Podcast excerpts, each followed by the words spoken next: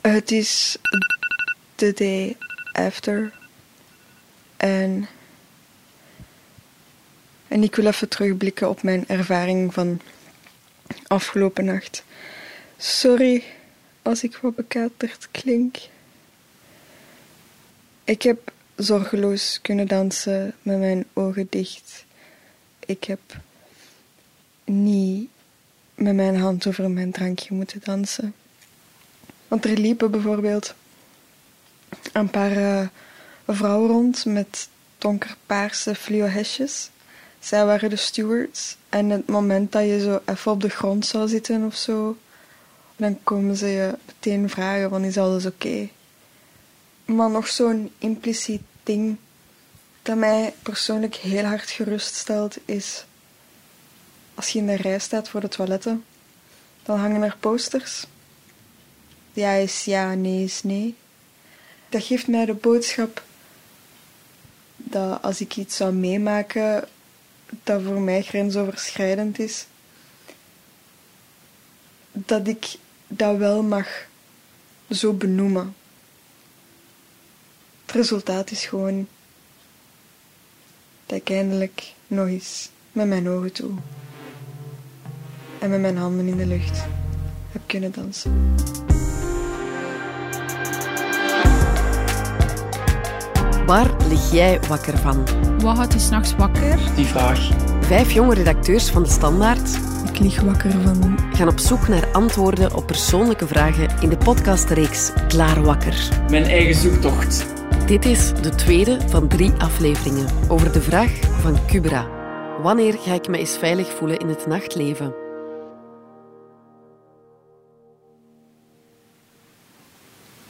Ik ga vaak uit in safe spaces. Of Ja. ruimtes waarvan ik weet, als er iets gebeurt, kan ik bij het personeel terecht. Je kunt terugvallen op iemand die je kunt vertrouwen. Ja, maar dat voelt ook een beetje tegenstrijdig met wat de nacht zou moeten zijn.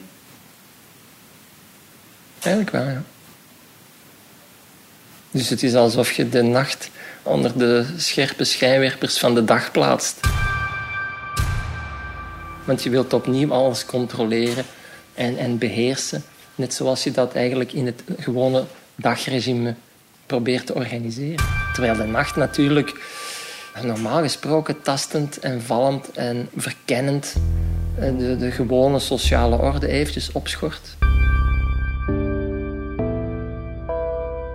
Oké, mijn zoektocht naar een veiliger uitgaansleven doet vragen reizen. Verschillende vragen. Ik zit hier tegenover cultuursocioloog Walter Wijns, de man die je net hoorde. Straks meer over hem. In deze aflevering wil ik uitzoeken of de vragen die ik me hier stel, hoe kan ik veilig uitgaan, er zelfs één is die ik mag stellen. Want spanning, onvoorspelbaarheid en misschien zelfs gevaar, hoort dat niet gewoon bij het nachtleven? En zijn safe spaces, zoals Blond, dan wel de oplossing? Met die vragen ga ik naar cultuursocioloog Walter Wijns. Waar gaat je dan zo al naartoe s'nachts? Even over hem. Op dit moment niet per se het grootste feestwerken meer, Mijn nachtleven, dat, dat, dat ligt even achter mij, moet ik toegeven. maar had jij hem in zijn jonge jaren op de dansvloer tegengekomen? Ik keek naar niks of naar niemand. En ik danste maar. Ik heb alle mogelijke bewegingen met mijn armen en mijn benen gemaakt. Ja. Dan had je hem al licht opgemerkt. Maar nu is hij vooral geïnteresseerd in de sociologische benadering van het nachtleven. Wel, over het nachtleven in de sociologische betekenis als eh, een moment van eh, ja, de mogelijkheid tot grensoverschrijding. Ik zou bijna zeggen met wederzijdse toestemming of met veelvuldige toestemming. De mogelijkheid tot grensoverschrijding. Grenzen die opschuiven, vloer worden. Grenzen die vervagen, wegvallen.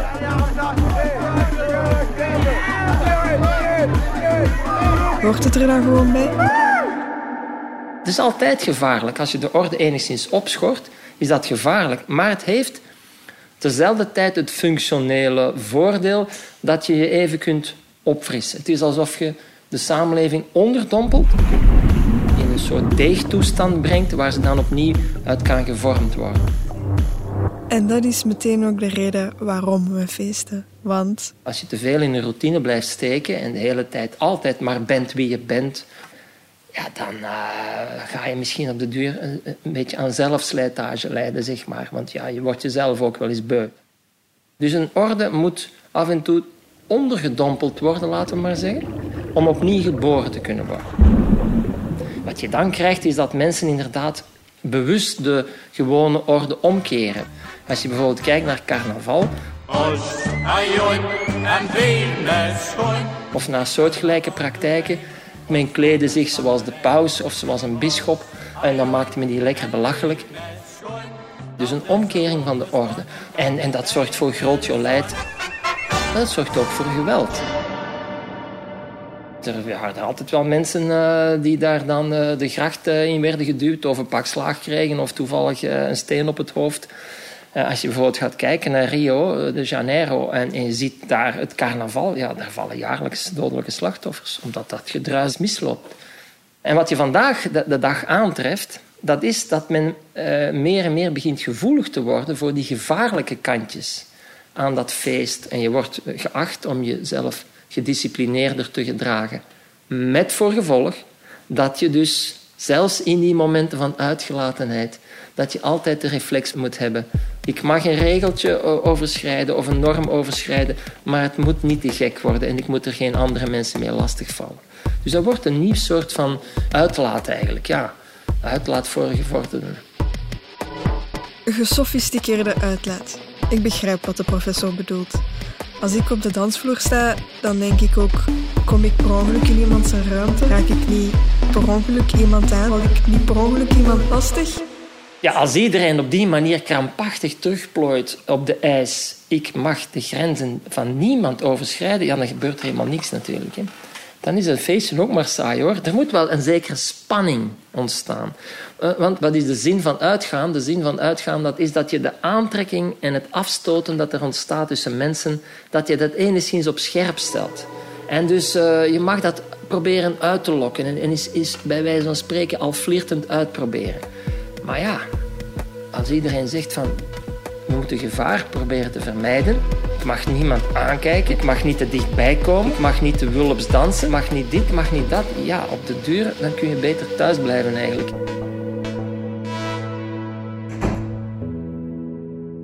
Blijf ik dan gewoon beter thuis? Want spanning, spontaniteit, het uitdagen, het losgaan, het flirten, dat is nu ook net wat de nacht zo leuk maakt. Dus ben ik dan misschien te gevoelig? Ik stel de vraag.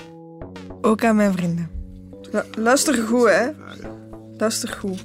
Als ze tenminste even willen luisteren. Ah, ja, ja, ja juist. Wat vinden zij? Horen gevaren en grenzen overschrijden bij het nachtleven? Ja, ik ben het daar oneens mee gewoon. Ik vind het raar dat je dat... Je kunt je grenzen opzoeken, maar je moet niet die van een ander opzoeken. Inderdaad, je eigen grenzen opzoeken is altijd leuk om mee te experimenteren.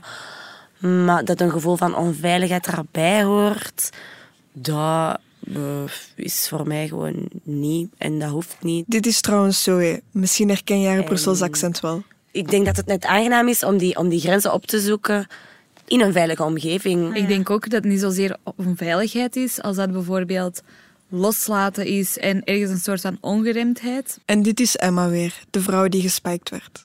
Zeker als er inderdaad alcohol of zo bij komt kijken, je gaat altijd wel dingen doen die dan nuchtere of overdag jij waarschijnlijk niet had gedaan. Niemand gaat dan zo 5 euro deals in zijn mond steken of op een of andere stelling in een straat zitten klimmen en zo, weet je. Dat zijn van die dingen die alleen maar s'nachts gebeuren. Ongeremdheid kan even goed zijn dat je jezelf laat gaan op de dansvloer of dat jij inderdaad op een respectvolle manier met iemand gaat praten waar dat je misschien normaal gezien niet de eerste stap naar zou durven zetten of al die dingen.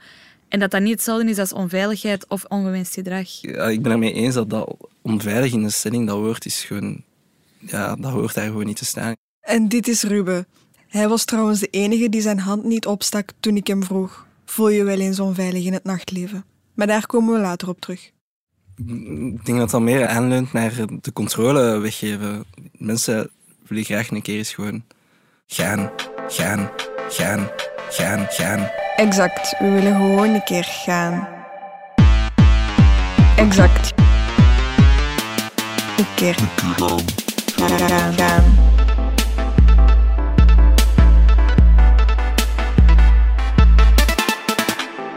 Maar niet alle mensen kunnen dat.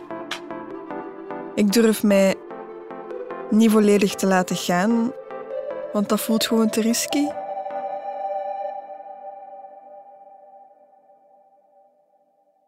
Dus daarom ben ik blij dat er plekken en evenementen zijn waar ik dat wel kan. Want voor mij is controle vrijheid. Waar er posters op hangen met ja is ja, nee is nee. Waar er stewards zijn en waar een aanspreekpunt is, waar er controle is. Waar soms mensen misschien zelfs niet binnen mogen. Vorige week was er heel wat ophef over Café Blond in Gent, dat op één bepaalde avond alle cis-mannen heeft weggestuurd nadat sommigen onder hen grensoverschrijdend gedrag hadden vertoond. En omdat daardoor de Flinta-mensen zich niet meer veilig voelden. Dat gegeven was genoeg om het spel op de wagen te krijgen. Hoezo cis-mannen? Wat zijn dat, cis-mannen? En hoezo Flinta? Wat is dat met een sterretje? Wat betekent dat? En is er hier sprake van discriminatie, zoals sommigen beweren, of niet? Bedankt, Sophie Lemaire. Ik had het zelf niet beter kunnen samenvatten. We moeten het even hebben over de elephant in the room. In dit geval de cisman. Cismannen, wat zijn dat? Cismannen. Dat woord is al een aantal keer gevallen, dus ter verduidelijking: een cispersoon is iemand die zich identificeert met zijn geboortegeslacht. Een cisman is dus een man die zich identificeert als man. En oké, not all men, maar we kunnen ook niet rond het feit dat bijna alle verhalen en getuigenissen, alle vervelende ervaringen van zowel vrouwen als mannen tijdens het uitgaan, heel vaak kwam het gewoon neer op dit.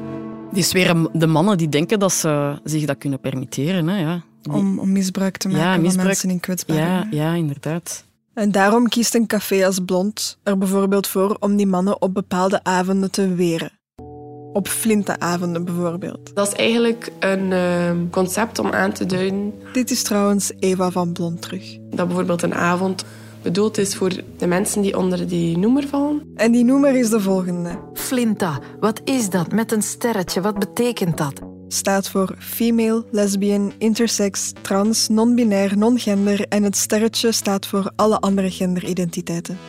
Waarbij dat er dus zes man geweerd worden eigenlijk, om eigenlijk een veilige plaats te creëren voor mensen die de druk ervaren van als je in een ruimte bent en er is een overheersende aanwezigheid van zes man of je hebt een trauma bijvoorbeeld in het uitgaan, dan is dat voor sommige mensen bijna onmogelijk om in een ruimte waar dat er zes man zijn zich te kunnen amuseren. En daarom doe je dan die avonden. De vraag is dan, Is er hier sprake van discriminatie, zoals sommigen beweren, of niet? Discriminatie kan alleen maar plaatsvinden als er eigenlijk een bepaalde machtsstructuur aanwezig is die de discriminatie onderschrijft. Bijvoorbeeld, mannen kunnen niet gediscrimineerd worden omdat zij in deze patriarchale maatschappij eigenlijk overal de bovenhand van de machtsstructuur krijgen.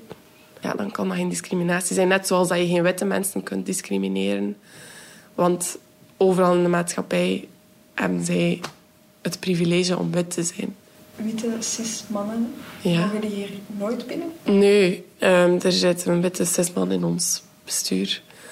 Ehm, Alsof dat je zo zegt, gewoon wacht, ik ken een oorlog. ja, het is zo. Ja. Nee, dat is dus niet het geval. Er zijn hier heel vaak witte cisman of cisman in het algemeen. Het zou ook absurd zijn, want dan zouden we iedereen moeten aanspreken van... Hallo, ben jij een cisman? Soms vragen we aan grote groepen om niet de plaats te inwijden eigenlijk, want zo voelt dat wel. Ik denk dat jullie dat ook wel weten als je zo op een plaats bent en dan komt er plots een grote groep man toe, dat dat de sfeer verandert. Maar is dit dan de oplossing? Is het uitsluiten van bepaalde mensen, weliswaar op bepaalde avonden en niet altijd, dan de key to the solution? Want ik mag dan wel graag uitgaan in blond. Tijdens het gesprek met mijn vrienden hoorde ik ook dit. Ik vind het ook soms een veiliger gevoel of zo met, met mannelijke vrienden uit te gaan. Allee, dat is stom om te zeggen, hè, maar zo... Zeker als het is om, om ergens op café te gaan en zo. Of waar er veel alcohol mee gemoeid is, dan ga ik misschien soms liever met waar mijn broer bij is of zo, mannelijke vrienden. Omdat dat precies zo'n meer beschermend gevoel heeft. Dat heb ik ook wel zo'n paar keer meegemaakt. Als er vrouwen gewoon naar ons komen om te zeggen van... Kunnen we bij jullie joinen? Want... Die allee, zien er normaal uit. ja, zo van... Om zich veilig te voelen. Ja, veilig te voelen. space, Ja, voilà. Ja, En ja. ik, allee, Maar ik moet wel ook wel toegeven, zo van die verhalen dat jullie vertellen, ik ben daar nu steeds meer en meer gevoelig op. Ah, oké, dat gebeurt, je hebt dat meegemaakt. Ah, oké, hoe... Allee, kan je toch een oog op daarop houden of zo. En ik denk dat, dat, dat ook wij als man onze rol ook daarin moeten spelen, zodat dat zowel voor ons aangenaam is om uit te gaan, maar ook voor iedereen qua. Voor iedereen qua. Alla neemt me de woorden uit de mond. Maar hoe dan? Hoe kunnen we de juiste balans vinden? Niet alleen in Blond, maar in heel het land is er een bewustwording aan de gang. Op de Gentse feesten afgelopen zomer hadden ze een meldpunt voor grensoverschrijdend gedrag. Je kan in steeds meer cafés vragen naar Angela, dat is een fictieve naam dat je kan gebruiken om subtiel aan te geven dat je hulp nodig hebt. Maar ik sprak ook met Sarah Ziri van Not Your Techno, die hun eigen safer space beleid hebben. En zelfs in Herentals hebben ze een vijfcharter opgesteld op voor scoutsfeestjes. Het komt erop neer dat we het niet meer kunnen negeren. En dus moet iedereen mee. Ook de grote vissen. Ik ging langs in een café waar je misschien al eens bent beland. Misschien wel het bekendste café van heel Gent. Het is hier overal van de beste, maar... De charlatan. Ik heb er afgesproken met deze man. Wel, ik zal beginnen met mijn eigen voor te stellen. hè. Ik ben Gerald Klaas, de, de, de zaakvoerder al 23 jaar, sinds 2000. Eh, wij zijn altijd prat gegaan op het feit dat iedereen hier welkom is. En we hebben al mega lang ook veel... Ja, ik weet niet hoe je ze nu allemaal noemt, maar mensen die eh, anders zijn dan man of vrouw, hebben enorm veel altijd. Dat was on- ons, onze grootste fierheid, dat mensen zeiden van hier kunnen wij gewoon onszelf zijn. Iedereen is hier gelijk. En dat was ook ons sterkte, dacht ik al die tijd. En nu lijkt zich dat een beetje om te keren. Nu is het precies dat we de vuilbak zijn of zo. Door verschillende meldingen van grensoverschrijdend gedrag stond de charlatan in december vorig jaar, in 2021, in het oog van de storm. Ik vraag Gerald wat hij van die bewustwording vindt. Ik vind dat zeer goed, hè. Want dat is een constant aandachtspunt hier altijd geweest. Hè. Iedereen moet zich kunnen vrij dansen en, zonder lastiggevallen te worden. Maar dat, dat is een blijvend aandachtspunt. Dat is niet iets dat je zo in één keer oplost of zo. Hè. Gisteren zaten wij samen met de Nightlife Council. Eh, daar hebben we het 50 minuten onderhouden geweest door de mensen van Unia, die een, eh, een charter aan het schrijven zijn. Even tussen haakjes. De Gentse Nightlife Council komt vier keer per jaar samen en is het structureel overleg tussen de stad Gent en de nightlife sector. En Unia, dat is het Interfederaal Gelijke Kansencentrum. En zij kwamen af met het sensibiliseren van de dader, want dat was nog nooit gebeurd. Maar dat vind ik nu de grootste kwats dat er bestaat. Een dader, iemand die grensoverschrijdend gedrag toepast, kun je niet sensibiliseren. Een dader die in, in een dwaze bui eh, iemand betast of zo, die, die valt niet zomaar met vingertje te zeggen, eh, hé, dat doet je niet. Hè. Zo, allee, ja. Klopt het wat Gerald zegt? Kunt je een dader niet sensibiliseren? Daar komen we in de volgende aflevering op terug.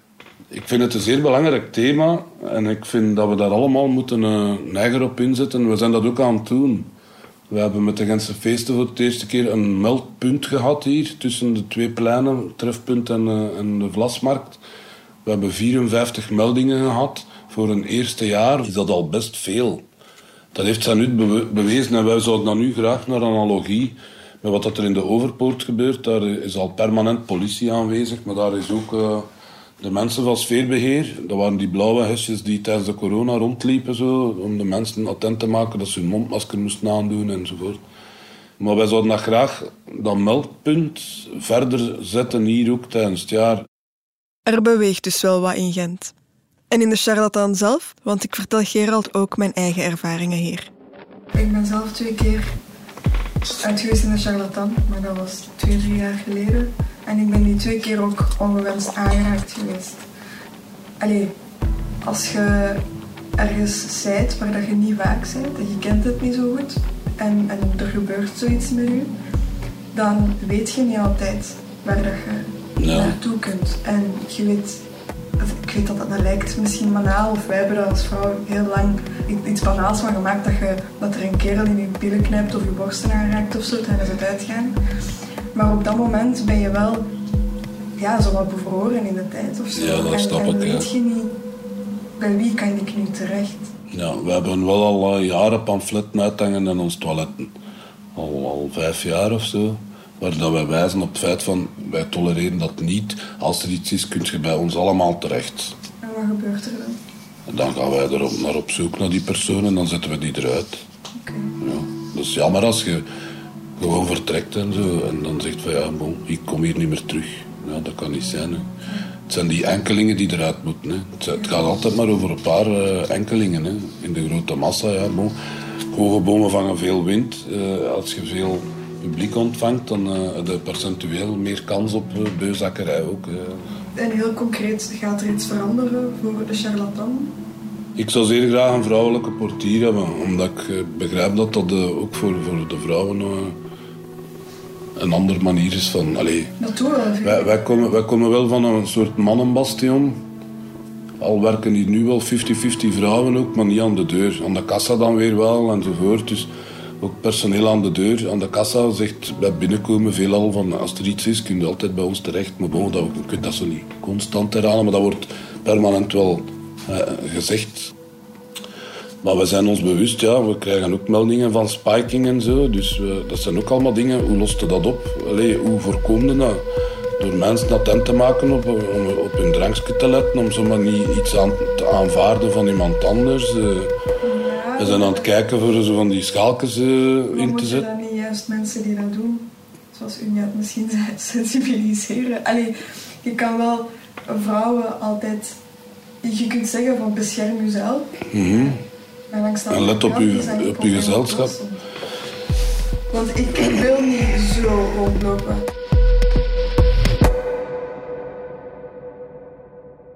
Maar zou het niet veel beter zijn als we helemaal geen schaaltjes op onze drankjes zouden moeten zetten? Gewoon omdat het niet nodig is? Nu, er is geen pasklaar antwoord op hoe we veilig zouden kunnen feesten. Er zijn verschillende manieren om het uitgaan veiliger te maken. En ook de clubs, cafés en evenementen waarmee we spraken beseffen wel dat ze mee verantwoordelijk zijn. Maar misschien moeten we ook eens naar ons eigen gedrag durven kijken, want ligt daar uiteindelijk niet de oplossing? En ik vond dat heel moeilijk, zeker in een uitgaanscontext. Het is zoals Alan al zei. En ik denk dat, dat ook wij als man onze rol ook daarin moeten spelen, zodat dat zowel voor ons aangenaam is om uit te gaan, maar ook voor iedereen. Qua. Maar hoe dan juist? Hebben jullie misschien tips of zo? Daar hebben we het over in de laatste aflevering. Dit was aflevering 2 over de vraag van Cubra. Een podcast in drie afleveringen gemaakt door Cubra Maida en Fien Dille. Brecht Plasgaard mixte, schreef de muziek en herwerkte Debussy's La Cathédrale Engloutie. Beluister ook de andere podcasts van Klaarwakker.